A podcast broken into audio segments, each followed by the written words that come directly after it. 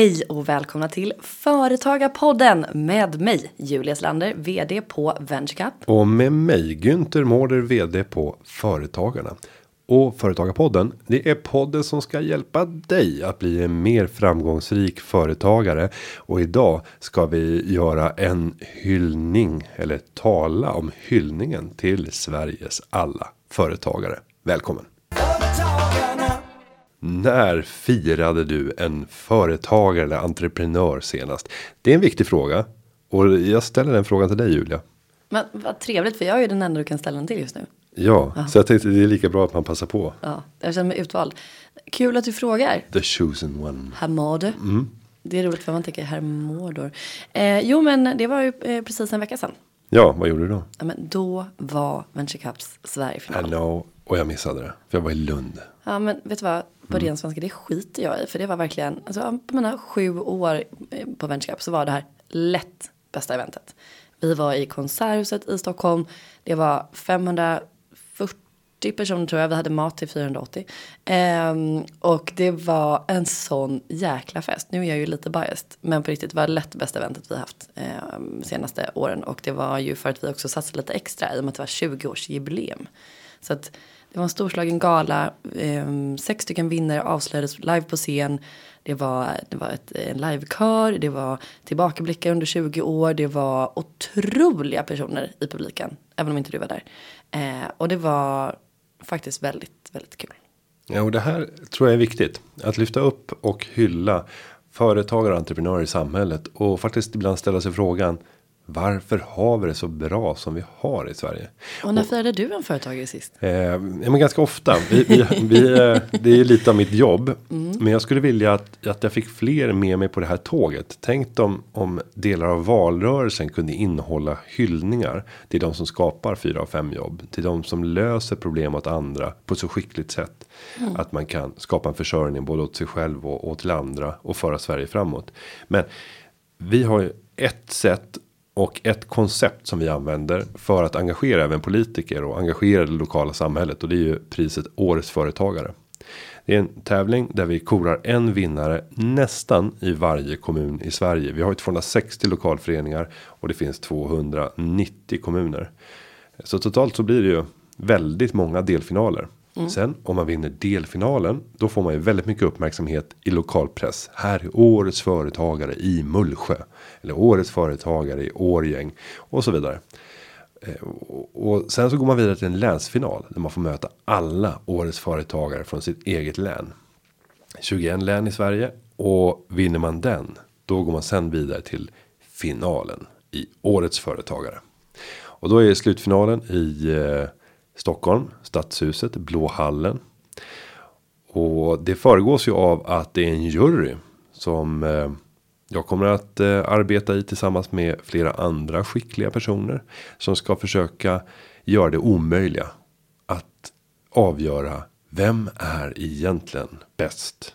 Och det här går ju inte. Det är orättvist. En annan sak som jag känner nu var ganska orättvis var att jag fick ungefär 13 sekunder på mig att berätta om vad vänskap gör och du fick kanske 13 minuter känns som. Men fråga nummer två, varför Ja. är inte jag med i den här juryn?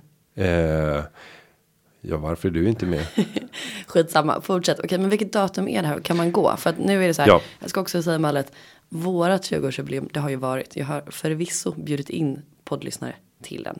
Men om vi har poddlyssnare som vill gå på årets företagare, när är det? Hur gör man? Det är den 19 oktober och då kan man gå in på åretsföretagare.se och där finns det mer information om hur man både kan delta på dagsprogrammet där Julia har varit ett inslag historiskt eh, och även gå på kvällens gala. Och det här kan vara ett ganska bra tillfälle för att knyta kontakter, träffa väldigt många andra framgångsrika företagare. Alltså det kan hända saker och dessutom så brukar det vara rätt bra fest. Alltså entreprenörer och företagare är rätt duktiga på att festa. Ja men det måste jag verkligen säga, det är ju de som är lite fulla i fan. Och det Ja. älskar man ju. Eh, och det är inte så ofta kanske som de här tar sig tillfället att faktiskt bara stänga, koppla av och sen så gå in all in för festligheter för att det är alltid jobb som pockar på överallt. Så när man väl gör det, då går man när man festar, då festar man på riktigt. Så är det. Men det var någon som sa i publiken eh, i middagsminglet på, på Venture Cups 20-årsfinal förra veckan att eh, 20-årsfinal, det var ett sammansvetsat ord, 20-årsjubileum, Sverigefinal, att det är så himla härligt för att ni gör entreprenörerna till rockstars. Och det är precis det ni också gör. Och det tror jag, alltså jag tror att man underskattar det syftet. Det behövs verkligen. Oavsett om man vinner prispengar eller ära eller kontakter eller affärer eller allting på en gång. Så är det otroligt viktigt att lyfta de här hjältarna som de är. Så det är kul, känns bra. Och nu ska vi få träffa tre stycken personer som arbetar på olika sätt för att vara med och främja och lyfta upp de här företagarna som är delaktiga i årets företagare framöver. Och vi kommer klämma dem lite grann på pulset. Hur gör de för att skapa fler framgångsrika företagare? På vilket sätt kan man som företagare tänka att man kan använda de här på ett snillrikt sätt? Ja, för ja. alla tre representerar stora bolag. Det gör de. Mm. Väsensskilt från de vanliga företagare och entreprenörer som, som vi normalt sett företräder. Så att eh, det blir dagens innehåll. Mm. Spännande. Så att eh, därmed ska jag göra plats för vår första gäst. Och vår första gäst älskar att kasta sig ut i backen och jag tror både på snowboard och kanske även på skidor. Eh, hon är hållbarhetschef på SJ och heter eh, Erika Kronhöffer. Välkommen till Företagarpodden. Tack så mycket. Varför är SJ viktigt för småföretagare? Men SJ är viktigt för alla hoppas jag. Eh, vi vill också vara ett SJ för alla. Och för oss eh, så erbjuder vi eh, eh, rabatterade priser, förmånliga priser på tågresor för småföretagare. Vi hoppas och tror att de kan använda tiden på tåget till någonting bra. Alltså antingen att bara vila eller ja, läsa eller förbereda sig eller jobba. Och om vi nu ser på SJ så har ni valt att engagera er också i den här stora årets företagarfinal genom att eh, vara partner till priset Ge tillbaka där vi kommer att prisa en ung entre, lovande entreprenör som får ett större stipendie. Varför vill ni engagera er i det här? Hållbarhetsfrågor är jätteviktigt för SJ och när vi såg det här priset och och där kriter, ett av kriterierna är ju att man ska vara en förebild och en ambassadör för ungt entreprenörskap och hållbarhet så tyckte vi att det var som handen i handsken för oss. Ehm, jag är imponerad av, av, eh, jag har varit inne och tittat på alla finalisterna och det hoppas jag att alla som lyssnar på podden också har varit. Man blir alldeles varm i hjärtat. Det är eh, verkligen människor som gör bra saker och som är med och förändrar samhället. Och nu är det faktiskt du som lyssnar och alla andra där ute som ska avgöra eller i alla fall skicka ett medskick till juryn genom att gå in och rösta. Så att eh, mitt förslag är att gå in till eh, stipendiet ge tillbaka och lägg din röst och framförallt låt dig inspireras och hänföras ja. av eh, allt detta entreprenörskap som dessa unga personer visar. Men jag har en fråga. Det här med hållbarhetsarbete, var, varför är det viktigt då? Alltså jag tänker, alltså SJ har väl, ja, jag tänker att ni skulle kunna luta er tillbaka och säga att så, ja men det är miljövänligt, alltså är det hållbart. Ja, eh, för oss är det viktigt att verkligen peka på att hållbart är mer än bara grönt. När vi är ute och frågar våra resenärer, eh, vad, vad är din, din definition av en hållbar resa? Så svarar de att ja, men det är klart att det är en miljöriktig resa, men det är också en punktlig resa. Det mm. är en trafiksäker resa det är en användbar resa. Att de verkligen kan använda tiden till någonting smart. Så att de allra flesta har faktiskt en bredare definition av hållbart än bara grönt. Och jag tänker att det är där man ser också när man går in och tittar på finalisterna. För det har de också.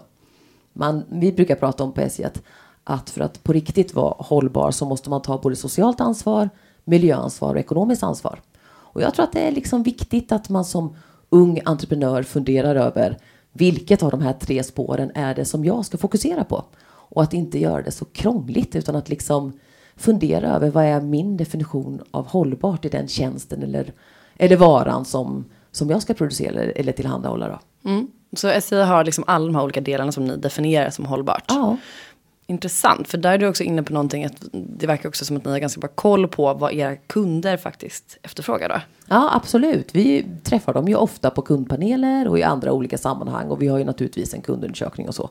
Och då ser vi ju att, att eh, punktlighet är, är en jätte, jätteviktig del och, och, för att välja tåget. Att man liksom ska lita på att tåget kommer fram i tid och sådär. Så, att, så därför så säger vi att vårt punktlighetsarbete är vårt absolut viktigaste hållbarhetsarbete. Mm. Och om man nu ska ta erfarenheterna som ni har från ert arbete på SI med hållbarhet och så tar vi ner det till den lilla företagarens perspektiv. Vad är dina främsta tips för att eh, vägleda företagaren hur man ska tänka kring hållbarhetsarbetet? Ja, men det är nog faktiskt precis som jag sa, nu upprepar jag mig lite, men, men det är nog faktiskt att liksom göra ett eget arbete med att fundera vad är definitionen för mig och inte göra det så krångligt. Om man väl har bestämt sig sen och då säger jag, ja, men för mig så handlar det mycket om det sociala ansvaret. Exakt. Jag ska inte brista i de andra delarna. Men hur går jag vidare sen? Hur viktigt är det att det här är viktigt eller att det är kopplat till det affärsmässiga i verksamheten? Kan det här vara någonting som man gör separat vid sidan av en verksamhet som väsensskild från den sociala insats man gör i företaget? Nej, jag tror ju inte det. Eh, på SJ så har vi till exempel inte en, en, en separat hållbarhetsstrategi utan vi har en hållbar strategi. För oss är det lite viktigt att det inte är ett parallellt spår. Jag tror att egentligen att det är precis lika viktigt för en småföretagare. Utan att man verkligen integrerar det i sin, sin affär eh, fullt ut och, och liksom att det är viktigt på riktigt. För att annars så tror jag det bara blir att man sminkar grisen. Så att om du fick tipsa ett företag som stod inför valet att antingen så avsätter vi 5% av personalens tid och 1% av eh, vår vinst till att anställda får göra saker som på olika sätt kan bidra till att samhället ska hålla ihop men som är väsensskilt från det man sysslar med jämfört med att satsa de pengarna och resurserna på att utveckla en business som på olika sätt blir bäst i klassen. Så hade du låter det som valt det senare exemplet. Det där är ju en tricksfråga. Jag tycker kanske att man... Mm, säg inte. Mm, det, Ja, men det, det är svårt för båda, båda är ju gott. Ja, men absolut. Men Alltså, frågan är vad, vad gör man bäst? Jag tänker lite nej, grann men sådär. jag, jag tror att man kanske kan göra både och. Är det ett politikersvar så här i politikertider? I valtider? Nej, men jag tror faktiskt att man verkligen kan göra både och. Ehm, jag tror att man först och främst måste man naturligtvis satsa på att, att liksom bygga in hållbarhetsaspekterna i sin affär. Det är, ju- det är nummer ett liksom för mig, absolut. Men jag tror också att man kan precis på det sätt som du beskriver nu med till exempel möjlighet att ge anställda möjlighet att på betald arbetstid vara volontärer till exempel. Eh, det tror jag också man kan göra som ett sätt att betala tillbaka till det samhället som man verkar i utan att det bara blir eh, eh, på ytan liksom utan att det också kan bli på riktigt. Och om man vill lära sig mer kring vad man faktiskt kan göra. För det handlar ju till att börja med om en kunskapsdimension. Innan man kan omvända det till någon form av praktisk handling. Och dessförinnan en strategi. För dig, ehm, du har en, en bakgrund jag läste på som. Eh, och studerat sociologi och miljövård. Men är jurist i grunden.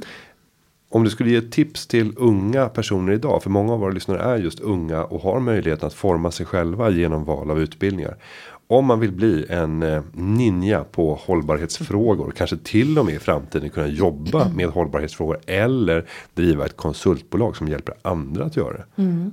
Vad ska man tänka på då rent utbildningsvis? Nej, men jag tänker på de som jag känner i andra företag som har motsvarande roller som jag så har de ju alla möjliga olika typer av bakgrund. Eh, en hel del är ekonomer. Det finns en hel drös ingenjörer. Ehm, ehm, kanske inte så många jurister faktiskt. Så det, där kanske jag är lite, jag vet inte, ensam är jag väl naturligtvis inte. Men, men jag har inte stött på någon när jag tänker på det nu. Tror jag, som har varit jurist innan. Nej, jag tror inte att det spelar någon större roll faktiskt. Eh, vilken typ av, av eh, akademisk bakgrund man har eller, eller om man har en akademisk bakgrund alls om jag ska vara riktigt ärlig. Utan jag tror att man kan eh, eh, driva de här frågorna utifrån de förutsättningar man har och där man är. De, de är, är så pass allmängiltiga och så pass självklara på något vis att, att eh, jag tror inte att det krävs någon särskild akademisk bakgrund. Men det som krävs är väl ett genuint intresse och att man kanske Det kopplar krävs. det till det företaget som man, eh, som man representerar. Absolut, det gör det ju definitivt. Det är klart att det krävs. Och det krävs att man, att man får gehör. Eh, både hos en, liksom en styrelse och övriga i det liksom, bolaget man ska verka i. Att, att, eh, så att man inte är en ensam eldsjäl som ska liksom stånga pannan blodig. Utan att det finns ett, ett, en samsyn kring att det, att det är det här hållet man ska gå åt. Och att det finns också en tro på att det är på det här sättet. Om vi jobbar på det här sättet så kommer vi ha en långsiktigt hållbar lönsamhet eh, över tid. Och det är klart att det, det är ju en, en eh, eh det är bra om man är överens om det tänker jag. Sen funderar jag på när man då har startat igång sin verksamhet och kanske känner att jag har inte de kunskaperna som behövs för att göra alla de analyser som då kommer kartlägga vad jag kan göra för skillnad. Vad skulle vara ditt främsta tips om man står där som företag och tänker efter det här att ja, men jag vill, men jag vet inte. Hur går jag vidare? Nästa steg. Ja, det är ju en bra fråga. Ehm, och då är jag tillbaka till att försöka göra det så enkelt som möjligt. Då, då tror jag man ska ta tag i sin intressentanalys. Att man liksom funderar, vilka är mina viktigaste intressenter? Eh, och det kan ju vara liksom kunder, medarbetare, ägare, media, samhället i stort. Eh, och sen verkligen fundera över vilka frågor tror jag själv är viktigast för dem? Och sen naturligtvis gå ut och fråga. Vilka frågor är viktiga för dig? Och liksom ta reda på det. Eh, men att göra en, en enkel intressentanalys för att utifrån de svaren faktiskt liksom forma sitt arbete inom det här området tror jag är det bästa man kan göra. Mm. Och om jag ska skicka med ett, ett litet tips. Vi har ju stött på många företag som befinner sig precis det här läget. Och därför valde vi att ta fram ett verktyg där man kan själv testa sig för att se hur medveten är du om de olika dimensionerna som kan rymmas inom ramen för ett hållbarhetsarbete. Mm. Och då kan du gå in och göra det självtestet och det är kostnadsfritt och öppet för alla oavsett om man är medlem eller inte. Vilket gör att vi har väldigt, väldigt många tusentals svar i det här. Och det börjar bli spännande för nu kan vi börja skära på branscher för att se vilka ligger längst fram och vilka är duktigast på den sociala dimensionen, vilka är duktigast på miljöfrågorna. Men då går man in på företagarna.se snedstreck hållbarhet utan prickar då.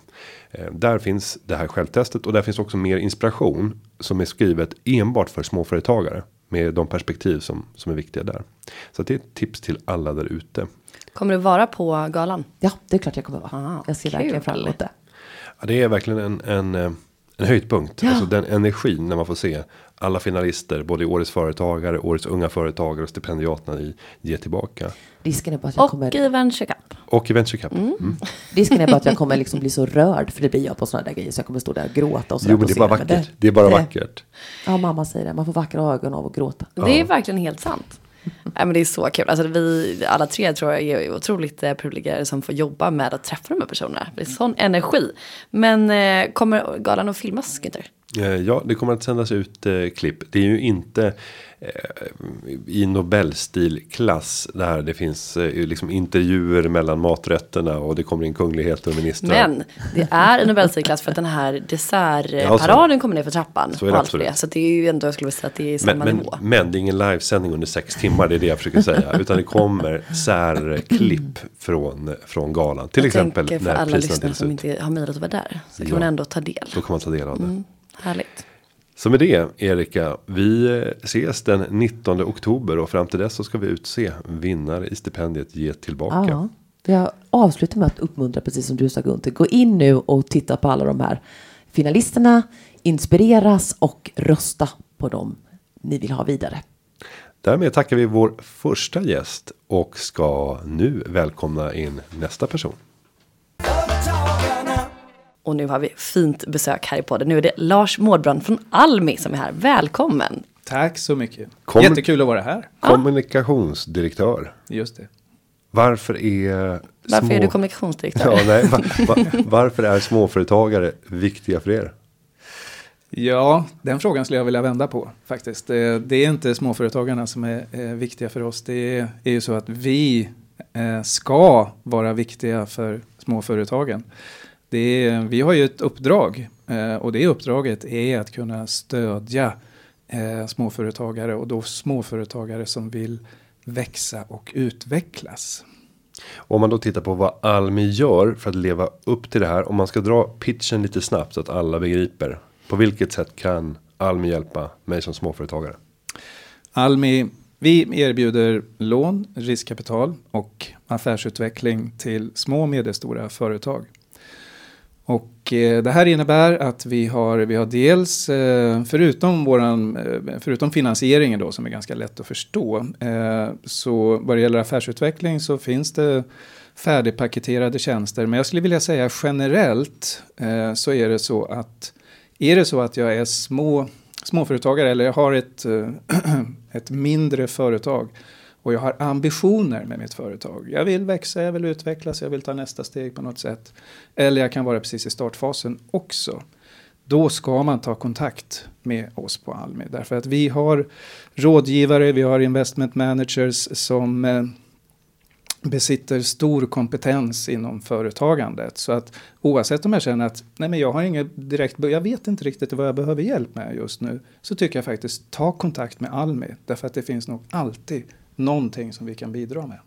Och hur eh, skillnad kommer man att bli så fort man tar kontakt? För man tänker så här rådgivare, börjar konsultklockan att ticka och vad kommer stå på fakturan som man får efteråt? Vad händer när man tar kontakt med Almi? Ja, nej, men det är en bra fråga. Eh, därför att det kan vara många som undrar det. Är det här dyrt då att ta eh, hjälp ifrån Almi? Vad det gäller finansiering så, så är det såklart att finansiering eh, den är ju inte gratis. Men vad det gäller våra affärsutvecklingstjänster att, eller att få ta del av eh, våran rådgivning så vi är ju ett statligt eh, företag som har det här som uppgift. Så att det är ganska, jag törs säga att det är ganska liten avgift för att eh, få det här, eh, få den hjälpen.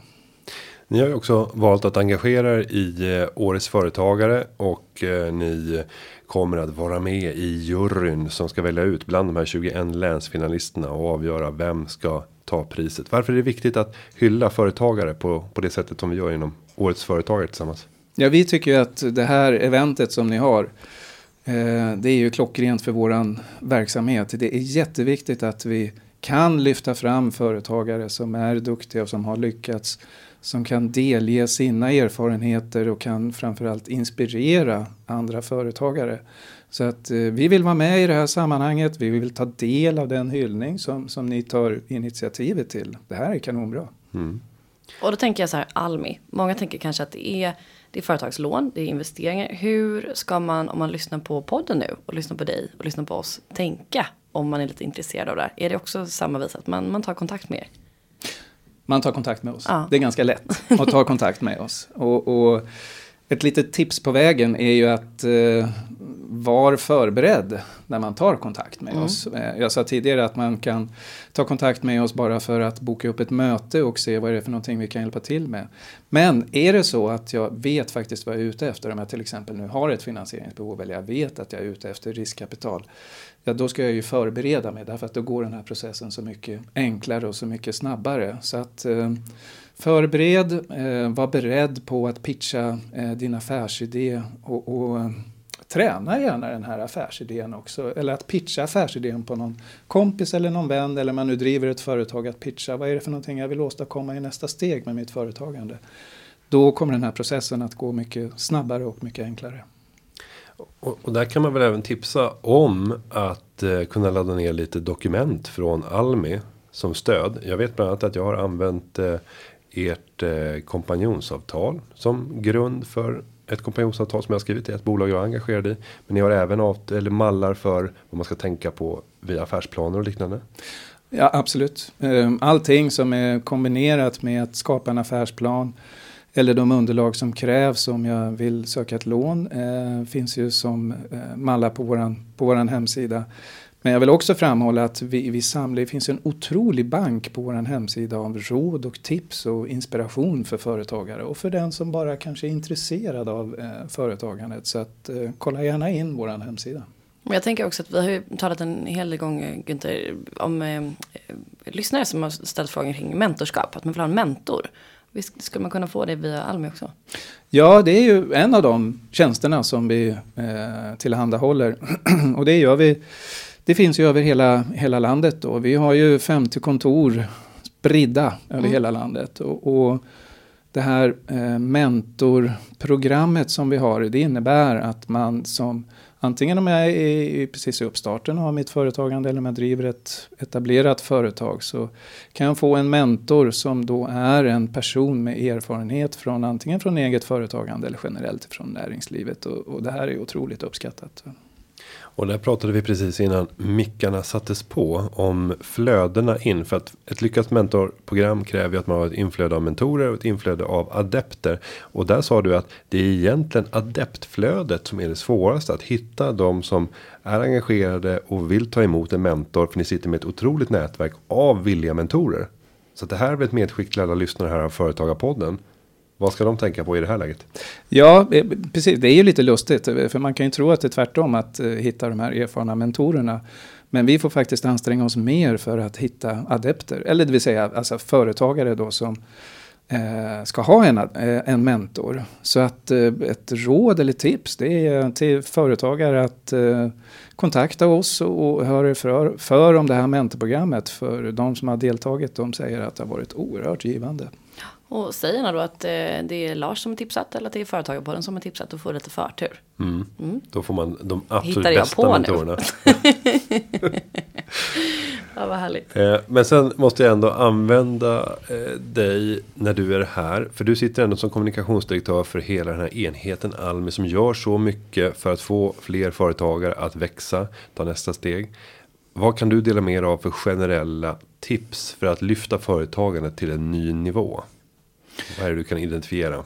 Ja, svaret blir ju nästan självklart då, eftersom jag sitter i den rollen och den organisation som jag gör. Men, men det är ett allvarligt menat tips verkligen. Och det är, sitter jag som företagare eller om jag är på väg att starta upp ett företag och eh, oavsett om jag tycker själv att jag besitter kompetensen och jag är, är självsäker och jag vet precis hur jag ska göra.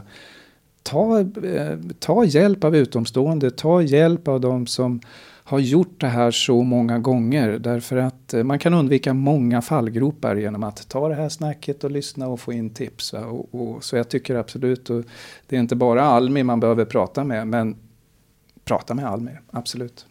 Och kan man prata om några generella misstag som eh, företagare gör som gör att man misslyckas med att ta det där klivet?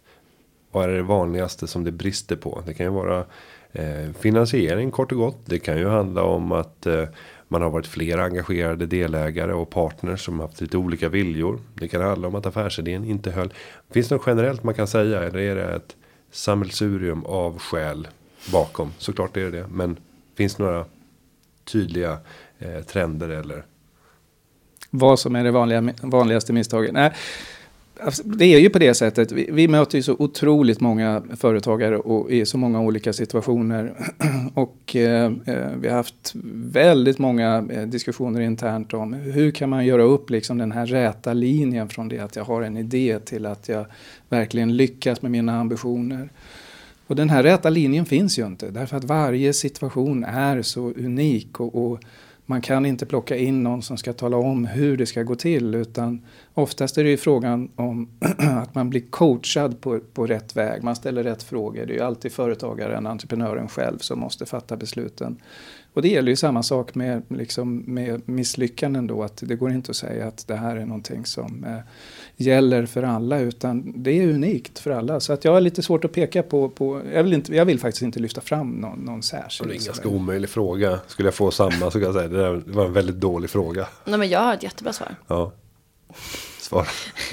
Vad säger du Men det kommer Julia? jag inte säga här. Nej, Nej men jag tänker eh, att lyssna på er genier och mig själv. Det, det, det enda misstaget som man kan säga är universellt är väl att man inte har koll på vad ens kunder vill.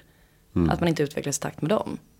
Ja, det, det, känns som att det blir dumt oavsett vilken bransch. Ja, absolut. Det du säger där. Och det är ju ganska vanligt att det är på det sättet. Nu, nu är det någonting som vi trycker ganska hårt på alltid i början i, i våra möten. Att har man inte testat sin idé, har man inte varit ute och sett att det faktiskt finns kunder som, som vill köpa den. Det är ju liksom nummer ett. Mm. Då är det bakläxa, ut igen, äh, träffa den första kunden och se vad reaktionen blir. Ja, och till och med sen när, när de är nöjda och det funkar, fortsätta kontinuerligt. För att köpbeteenden ändras och ja, köplusten också kanske. Ja, och är det några som verkligen förstår sina kunder så är det ju de här finalisterna som Almi ska vara med och välja bland mm. för att utse årets företagare 19 oktober. Så att eh, då kommer vi eh, att eh, ses igen och under festliga former få hylla Sveriges alla småföretagare. Med det eh, Lars skulle vi vilja tacka för att du har kommit till Företagarpodden och delat med dig av eh, dina tankar kring företagande men också berättat mer om hur man kan använda Almi för att lyfta sitt företag till en ny nivå. Kul att få vara med. Och nu ringer ni alla till Alm och skaffar er varsin mentor. Hör ni det? Det ska jag göra. Kan jag göra det? Ja, det kan du absolut göra. Du är hjärtligt väl. Om du har en affärsidé förstås. Det har jag ju. Ja, massor. Varför skrattar du? Jo, men det har du. Du har ja. massor. Jag kommer i alla fall göra det. Ja. Mm. Med det ska vi ta oss vidare till vår avslutande gäst. Och då har vi vår sista gäst i studion. Egentligen behöver företaget hon representerar inte någon närmare presentation. Hon är försäljningsdirektör, hon heter Jessica Span och arbetar för Volvo Cars. Välkommen till Företagarpodden. Tack så mycket. ni är engagerade i årets företagare också. Varför är ni det? Eh, vi säljer ju nästan alla våra bilar till ett företag på ett eller annat sätt. Sverige är ju en eh, marknad för eh, företagsbilar och eh, tjänstebil är en viktig del av eh, eh, lön och förmåner som man har i Sverige. Så att vi, vi känner otroligt starkt för den här målgruppen. Och det är vår största målgrupp.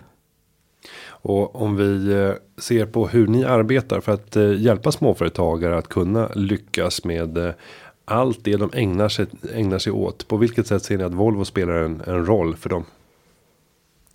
Ja, vi har, vi har tagit ett eh, aktivt beslut att vi anser att eh, små företag har precis samma behov som stora företag och vi tyckte nog att servicenivån till stora företag var mycket bättre för några år sedan och det bestämde vi oss på för att eh, ändra på från vår sida. Så att vi, vi försöker faktiskt tänka att varje företagare, om man så bara en eller två bilar, så behöver man ha enkelhet.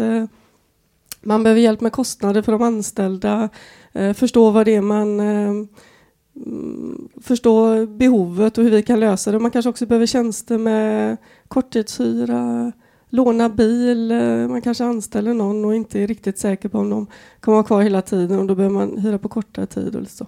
Så att eh, vi försöker helt, eh, helt enkelt sätta oss in i småföretagarens eh, vardag.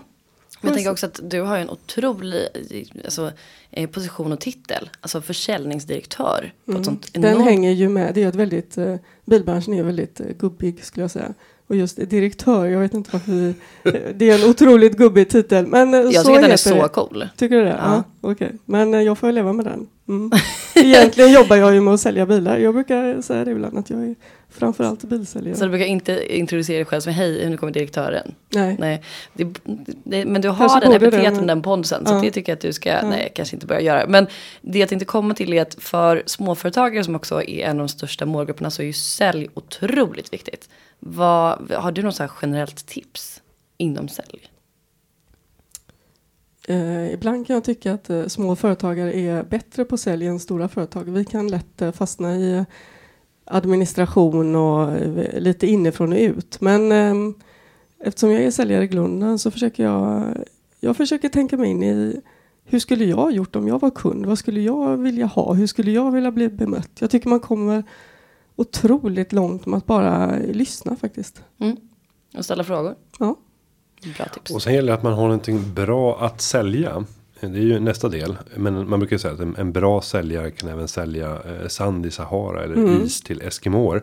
Men nu är ju du eh, försäljningsdirektör. Säger jag igen. Mm. På det, på det, eh, smaka här i studion. På Volvo Cars. Och Volvo har ju enligt mig i alla fall gjort en väldig resa. Om jag går tillbaka i början av 2000-talet. Så var det inte så att en kund enligt mitt förmenande. Som stod och valde mellan en Audi, Mercedes, BMW. Även kastade på en Volvo som ytterligare jämförelseobjekt. För det var mm. olika divisioner. Idag så är det närmast självklart att Volvo finns med i den jämförelsen i premiumsegmentet. Det kräver en väldig resa. Och ni har gjort en resa ägarmässigt, plattformsmässigt. Vill du berätta någonting om vad är det som har gjort att ni har kunnat flytta positionen? För det är nog många småföretagare som också drömmer om att göra motsvarande resa. Att kunna gå från ett medelsegment och kunna gå upp till ett premiumsegment med allt vad det innebär. Framförallt prismässigt. Vi var ju del av en eh, stor eh, koncern eh, även innan. En amerikansk koncern. Och jag skulle säga att eh, med vår nya ägare Geely så eh, gick vi faktiskt tillbaka till den här småföretagarandan. Han var väldigt, eh, eller de var väldigt noga med att säga att eh, släpp tigen lös eh, när de pratade om Volvo. De tyckte att vi hade det här inneboende entreprenörskapet som inte riktigt fick komma fram. Så att vi, eh, vi har nog börjat tänka som små företag inom det stora företaget och försöker verkligen, eh, det började med att vi tänkte vad är det för bilar vi vill bygga egentligen? Om tanken skulle vara fri, vad hade vi byggt då? Och så gjorde vi det helt enkelt. Och det handlar även om att eh, om vi, fick, eh, om vi fick välja, vi som jobbar på Volvo, vad är det för varumärke vi skulle vilja jobba med? Hur skulle vi vilja porträttera det? Och så gjorde vi det. Hur skulle vi vilja sälja våra bilar? Och så gjorde vi det. Och det, det ligger en väldig kraft i det här att släppa entreprenörskapet fritt. Och, och tar vi Geely så har vi Mr. Lee som den stora eh, gestalten inom bolaget vad jag har fått höra och jag vet inte om det här är sant. Men så är han djupt engagerad i utvecklingen av bilmodellerna. Han vill själv komma och provsitta och ha synpunkter på hur saker och ting kan utvecklas och vara, vara en del till att föda den här innovationskänslan i, i teamet. Lite ovanligare jämfört med kanske en, en passiv huvudägare på andra sidan jorden. Det är inte Ja. riktigt vad ni är. eller? Nu, eh, fast när jag har sån fin titel jag har så är det väl kanske tio steg mellan mig och vara en ägare på Gili. Så att jag träffar honom inte eh, alls ofta. Jag vill säga, jag har aldrig träffat honom. Men eh, jag tror att han är, en, eller, han är en väldigt engagerad ägare. Skulle säga inte så kontrollerad. För det är ett, eh, jag tycker det är en skiljelinje mellan att vara engagerad och ha synpunkter och eh, vilja saker till att eh, gå ner i detalj och kontrollera att jag vill ha det så här. Så upplever jag det inte alls. Men ett högt engagemang. Ja. Mm. Eh, om vi nu tittar på Volvo och eh, Volvo i framtiden. Vad tror du kommer hända inom bilbranschen? Det är stora förändringar nu som vi står inför när det gäller både hur eh, eh, bilar drivs men också hur kanske bilar kommer att ägas framöver. Vad är din ja, förut, eller, vad förutspår du när du tittar på framtiden utifrån ett försäljningsperspektiv? Vad är det du måste ha för att kunna vara en framgångsrik försäljningsdirektör även om 5-10 år? Det är ju kanske en evolution mer än en revolution. Men det vi ser om vi ska tänka försäljning så är det ju att kunder och, och här får man utgå från sig själv. Man är ju sig själv närmast. Man vet att man själv fungerar så. Men kunder är väldigt, eh, vad ska jag säga, mm, inte krävande men eh, man är rädd om sin tid. Man vill ha saker snabbt. Eh, man vill ha det på sitt sätt. Man är kanske mindre kollektiv. Man vill inte ta en lösning som passar för alla utan man vill ha en lösning som passar just för mig. Det är klart att det, det får vi ju tänka på när vi utvecklar tjänster och eh, även bilar. Och sen är det ju hela det här tekniksprånget såklart. Det går ju väldigt fort. Och jag är ju så nyfiken på självkörande teknik och vad det kommer kunna innebära för samhället, för hela bilbranschen. För att om man ska vara ärlig, jag kommer ju inte att vilja äga en bil då majoriteten av bilarna har blivit självkörande. Och hur ska då affärsmodellen se ut? Jag kommer ju stå beredd att lägga lika mycket pengar säkerligen för att kunna transportera mig. Men det kommer se ut på ett annorlunda sätt, tänker Ja. jag. Ja. Om vi nu tänker att eh, nu tänker jag fritt här. Mm. Får jag göra Det får man göra. Kanske. Eh, men om man nu ehm, om man nu tänker då de här självkörande bilarna kan eh, bidra med. Eh, framförallt eh, kanske då ur ett hållbarhetsperspektiv så är det ju att eh, du kör till jobbet, du ställer bilen kanske i åtta timmar och du kör hem. Det är ju väldigt slöseri med resurser kan man säga. Det finns ju massa människor som kanske skulle vilja ha bilen efter 8.30 när du har parkerat den men inte ha den eh, 16.30 när du åker hem. Hur kan de utnyttja din bil? Och där kanske företag börjar titta, eh, om nu tekniken finns, att när bilen har lämnat dig, då åker den och hämtar din kollega eh, och kör till ett möte. Och det finns oändliga möjligheter med det här med självkörande bilar, att man resursutnyttjar, som också är intressant för företag som kanske inte då behöver hålla sig med en tjänstebil per anställd. Eh, det är ju ett spår. Eh, det andra är ju eh, att man kanske blir mer effektiv då, att man, det här med tid som vi pratar om, att jag kan göra någonting annat. Vi, nu har jag ju suttit i bilkö till Stockholm och jag avundas er inte som bor här, men vi har ju inget jättestort problem med bilköer i Sverige, men det har man ju i de här jätte, jättestora städerna runt om världen. Eh, och då kan man göra någonting vettigare med sin tid Mm. än att sitta i en bilkö. Och bilen, det är ju, en, det är ju någonting som bilen klarar av själv, att förhålla sig till en kö och liksom långsamt rulla framåt. Så jag, eh, tekniken är ju här, sen måste ju omvärlden då vara beredd. Man kan ju inte ha tio självkörande bilar i ett myller av massa andra bilar som inte kör själv. Det blir, det blir också väldigt komplicerat. Så att vi får se så fort det går. Mm. Sen handlar det väl också som alltid när det gäller förändringar att man måste titta på eh, eh, kunderna och målgruppens eh, förändringsvilja och benägenhet. Ja, att säga, "Ha, okej, men då kan jag inte lämna mina saker i bilen för då ska någon annan ha den. och det Ja. måste man också ta med i beräkningen. Men vad, hur känner du kring att sitta i juryn till Årets Företagare? Jag, jag var ju med förra året. Jag tycker det är bland det roligaste jag har gjort. Jag blir nästan gråtfärdig när jag läser alla de här historierna om eh, människor som eh, tar en idé eh, till marknaden och gör något framgångsrikt med det. Och också det här eh, samhällsansvaret man tar genom att vara en eh, arbetsgivare och sätta människor i arbete Mm. och faktiskt bidra med någonting. Jag tycker det är, jag tycker det är så inspirerande. Jag, framför allt när man kommer från ett stort företag så behöver man den inspirationen. Så jag ser det nästan själviskt. Det ger nog mig mer än vad det ger företagen att jag sitter och gör. Får man säga så? Nej, det tror jag inte. Eh, nej, för det är också viktigt att ha med både stora och, och eh, små partners. Och där, där är Volvo en, en central roll. Och väldigt uppskattad. Och vi satt innan och satt och räknade på hur många bilar har våra medlemmar köpt hos Volvo genom det avtal som vi har. Eh, och eh, vi ska inte gå ut med några fantastiska eh, siffror. Men du kan säga någonting om kontot kanske. Ja, om vi ser företagen som ett konto då, sen består ju det av massa eh, enskilda företag som tar beslut att att köpa Volvo och som vi är djupt tacksamma för. Så är det ju absolut ett av våra fem största konton nu. Ett av de fem största kontona inom loppet av ett och ett halvt år. Ja, Så att eh, det säger lite grann om kraften. Det är många företagare som eh, både vill och behöver ha en tjänstebil. Och idag mer än gärna en, en Volvo. ja. Men det ska bli väldigt roligt att få kasta sig in i juryarbetet eh, tillsammans. Det kommer vi göra här om bara några dagar. Och därefter kommer vi att den 19 oktober tillkännage vem som blir årets företagare. Vem som blir årets unga företagare. Och vem som erhåller stipendiet Ge tillbaka. Så med det så säger vi stort tack till Jessica. Tack för att jag fick komma. Tack så mycket. Och där har det börjat bli dags att runda av. Nu har jag haft tre gäster i studion. Julia, dina reflektioner.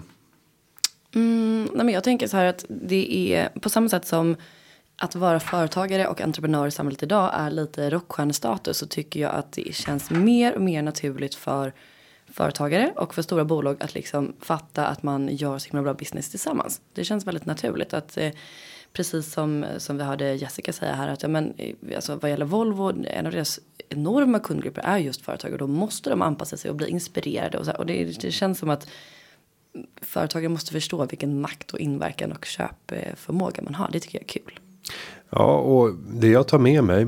Om vi börjar med hållbarhetsaspekten som vi pratade om först. Eh, det finns mycket man kan göra för att stärka sin affärsmodell. Och där kan man låta sig inspireras av vad de stora har gjort. Men att ta ner det till sin nivå. Och bli inte nedslagen av att eh, eh, stora företag kanske har en hållbarhetsredovisning som är 100 sidor tjock. Det är inte där det börjar utan det börjar i din handling. Och sen måste du komma med berättelsen om varför du handlar som du gör.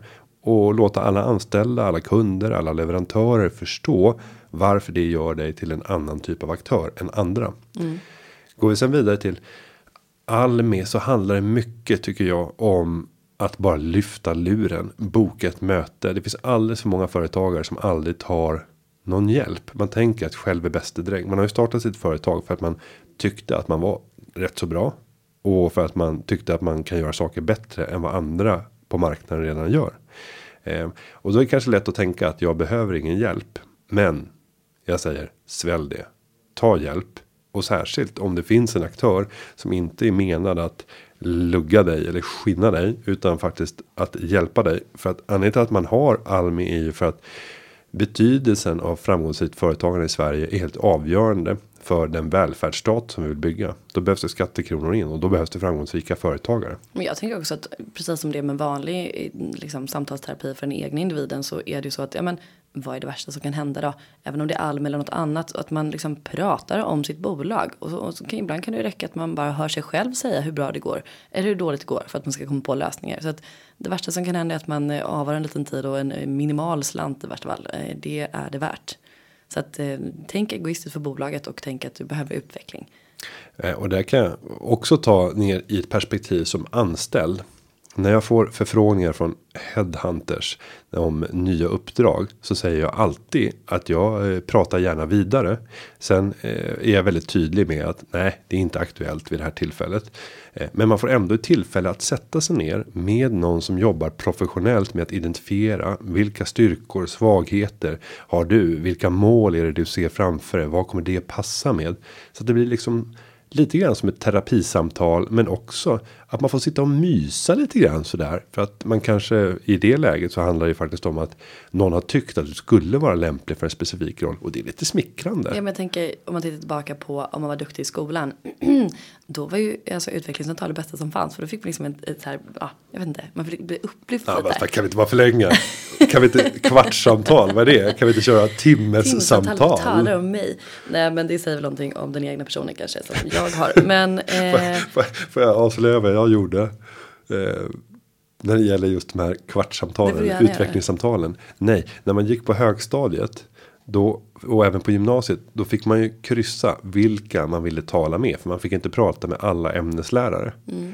Eh, och då såg jag ju till att kryssa alla dem. Som jag visste att här går det väldigt bra. Och det var ju bland annat liksom idrott och musik. Och det var ganska ovanligt att folk ville ha, eller att föräldrar ville ha kvartssamtal angående idrotten i skolan. Och sitta med idrottsläraren för att höra, ja hur går det egentligen för min son i spökboll. i idrotten? Men jag var väldigt duktig på idrott, det kan man inte tro idag. Men jag var väldigt duktig. Mm, det, det kan man visst tro. Men jag tycker att det här är en väldigt intressant diskussion och också om vi kommer tillbaka till hållbarhetssnacket att så här, det är lätt att tänka att ja men vadå stora bolag det ska bara låta bra och därför så ska de jobba med hållbarhet och allt för det. Men nej det handlar också om att man måste ha koll på vad kunderna kräver och just tyckte jag var så intressant att Erika sa att ja men hållbarhet handlar inte bara om att man ska liksom sminka grisen och bara så här nu ska vi säga att vi är miljövänliga utan mer så här vad gör ditt bolag, även om du är en, en liten företagare, vad gör ditt bolag och vad ska ni göra för någonting, vad ska ni leverera för värde? Gör det värdet då, för det är hållbart. Allt annat är ju inte hållbart om ni ska hålla på med massa annat, utan fokusera på det värdet som ni ska leverera till kunderna. Och i SJs fall då, ja, håll tiden, det är det man bryr sig om. Och går man sedan in på avslutningen och tittar på Jessica. Det är klart att man har en nidbild av en försäljningsdirektör på ett bilföretag.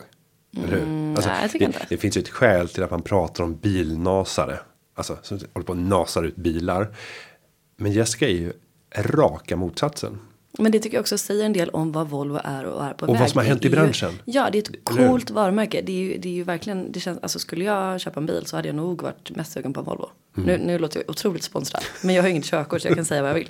Men, eh, nej, men jag tycker att det är imponerande och jag tycker att eh, häftigt med stora bolag som ligger i framkant där man tänker att man inspireras av småföretag och de, alltså man hjälper varandra.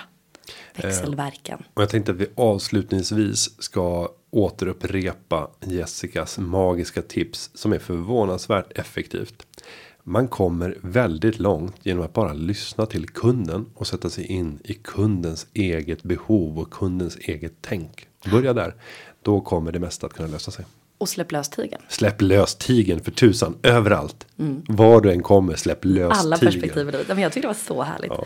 Ja. men vad kul. Ehm, och är ni sugna på att eh, kolla och attackera och investera i de som vann förra veckan i Venture Cup. Det vill säga de som kanske kommer bli årets företagare nästa år, vad vet jag. Eller är ni sugna på att gå på galan årets företagare den 19 oktober. In och kolla på företagarna.se eller venturecup.se. Och med det ska jag säga att underlaget för denna podd har förberetts av David Hagen. Vi hörs igen nästa vecka. Ha det så bra, hejdå. Hej.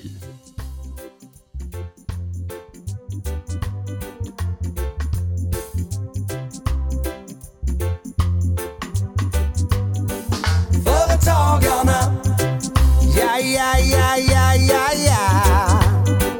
Företagarna, ja, ja, ja, ja, ja, ja.